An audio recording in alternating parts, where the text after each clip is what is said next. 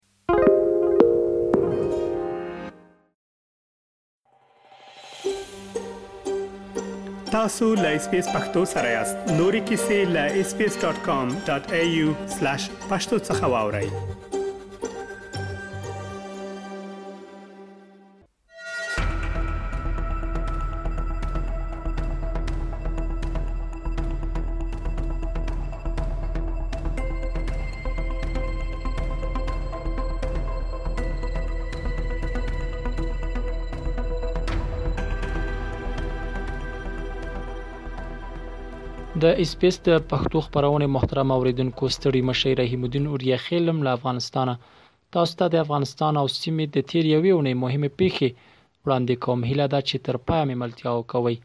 د تیرې اونۍ د پیل موضوع دا چې د افغانستان د بیا ودانولو لپاره د امریکا ځانګړي سر مفتش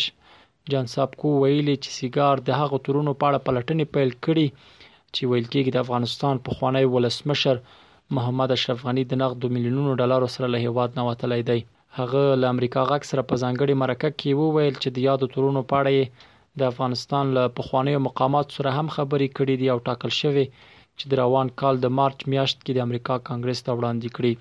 ښاغلي غني بیا څو موده وړاندې له بي بي سي سره په خبرو کې دغه تورونه رد کړل او ویې ویل چې په دې هکله خپلواکو پلټنو ته تیار دی. د افغانستان د بیا ودانولو لپاره د امریکا ځانګړي سرمفتش دا هم ویلي چې سیګار داسې زیات شمېر راپورټونه د یو شمېر افغان مقاماتو د فساد په اړوند ترلاسه کړي دي. خو په ټوله کې د افغانستان د تېر نظام تر سقوط وروسته د روسیې د دولتي اژانس په ګډون یو شمېر رسنیو راپور ورکړی و چې ښاغلي اشرف غني د ارګ تر خوشې کولو وروسته یو سلو نهه شپېته میلیونه ډالره له ځانه سره وړي هغه ادعا چې په تاجکستان کې د افغانستان سفیر هم تایید کړې ده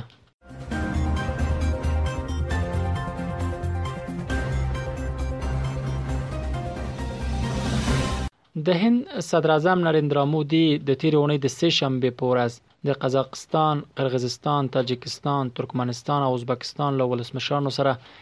د افغانستان په اړه د یوه غونډې کوربه و. د راپورونو له مخې په دې غونډه کې پرېکړه وشوه چې د افغانستان د بشري بحران د ختمولو په پار له افغانانو سره د مرستو او د نړیوالې رسمیت پېژندنې لپاره د طالبانو د حکومت د غوښتنې په برخه کې په ګډه کار وکړي. اخوا د چین ولسمشر هم د سې شنبې په ورځ د قزاقستان، تاجکستان، ترکمنستان او ازبکستان له ولسمشرانو سره د ورته غونډې کوربه و. د دې ناستې په یوه ګډه اعلامیه کې راغلي چې د افغانستان د روانو حالاتو په اړه د پراخې سیمې په کچه اجماع شته چې باید هلته یو رښتینی، استازی او ټولشموله حکومت رامنځته شي، د ترورېزم او مخدره موادو پر ضد مبارزه وشي او د ښځو، ماشومانو او لښکیو حقونو ته درناوی یقیني شي. نریندرا مودي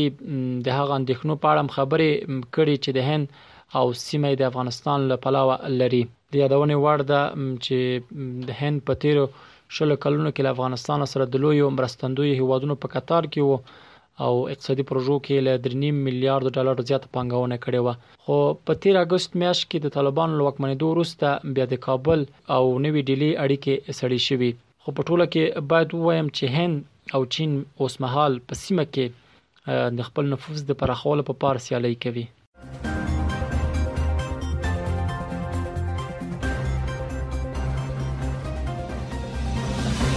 د پاکستان لومړي وزیر عمران خان ادعا کړې چې د طالبانو تر ولکې لاندې افغانستان نه لږ تر لږه دریو ترهګرو ډلو غړي د پاکستان خاورې ته راوړي او د ده په وینا غواړي پاکستان کې ترهګریز بریدونه ترسره کړي. نوموړي دغه ادعا له سي ان ان امریکايي رسنۍ سره په یوه مرکه کې کړې. هغه وویل چې په دې ډله ترهګرو کې پاکستاني طالبان، داعش او بلوڅ بلواګر ډلې غړي شامل دي. څو موده وړاندې پاکستان د افغان طالبانو په منځګړیتوب له پاکستاني طالبانو سره پر اوربند هوکړې ته رسېدلي وو چې تېره میاشت بیا یاده موده پای ته ورسېده او داسې ویل کېږي چې له دې وروسته کېدای شي یو ځل بیا دا ډله د پاکستان پوځ پر وړاندې خپلو بریدونو ته زور ورکړي. په ورته وخت کې د بلوڅ بېلتونپالو ډلو یوې ډلې په وروستیو کې د پاکستان پر پوځیانو خپل بریدونه ترسره کړي. لسیزې کېږي چې یاده ډله البته بلوڅ بېلتونپال وسله وال د پاکستان حکومت سره په جګړه دي او د دوی په وینا د خپلو حقونو لپاره مبارزه کوي. افغاني طالبانو بیا له دې وړاندې د پاکستان لومړي وزیر عمران خان دا ادعاوې رد کړي چې له افغانستانه ترهګرې ډلې پر پاکستان بریدونه ترسره کوي خو له دې ټولو سره سره عمران خان داسې مهال ورته څرګندونې کوي چې وړاندې له دې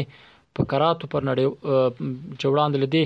نوموړي پر کراتو په نړیوالو غږ کړی چې پر افغانستان کې حاکم طالبان دې په رسمیت وپیژني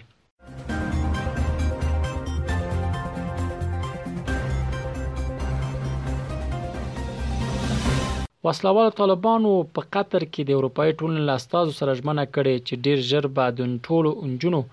او هلکانو پر مخ د ښونځیو دروازې پرانیزي. دا خبره د افغانستان لپاره د اروپايي ټولنې ځانګړي استازي توماس نیکلسن د وسله والو طالبانو له چارواکو سره تر لیدنې وروسته په یو لړ ټویټونو کې څرګنده کړې. هغه لیکلي ول چې په قطر کې د طالبانو له استازو سره په لیدنه کې د زده کړو مسله د اجنډا له مهمو موضوعاتو څخه وه او طالبانو ژمنه وکړه چې د یو زرو څلور سوه یو کال په وري میاشتې کې به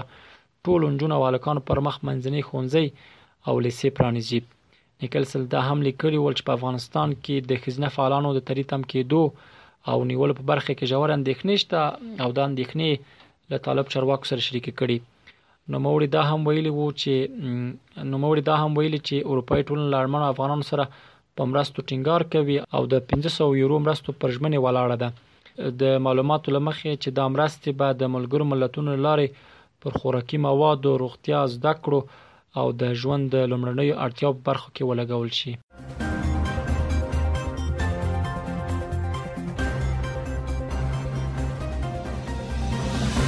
برېټانیا بیا د افغانستان په اړه د ملګرو ملتونو د یوې سرمشریزې کوربه وي چې په انلاین بڼه به ترسره شي. ویل کېږي چې د دې ناستې موخه دا ده چې د افغانستان لپاره د طالبانو تر واکمنۍ راوروسته په بشري برخه کې په میلیاردونو ډالرو مرستې راغونډې کړي. په دې اړه ملګرو ملتونو او برېټانیا په یو ګډ بیان کې ویلي چې په دې ناسته کې به د مرستندوی هېوادونو، ملګرو ملتونو او افغان مدني ټولنو استازي برخه واخلي. د بریتانیا د بهرنیو چارو وزیرې لینزا ټراس ویلي، په دې سرمشریزه ناسته کې به د خوړو، سرپناه او روغتیايي خدماتو پر چمتو کولو تمرکز وشي.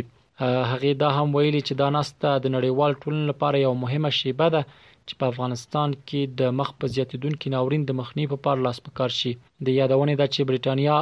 پر اوسږکال له افغانستان سره د 390 میلیونو ډالرو مرستې ژمنه وکړه چې په دې کې د تیر میاشتې څه باندې 100 میلیونو ډالرو بیړنۍ مرسته هم شامل ده.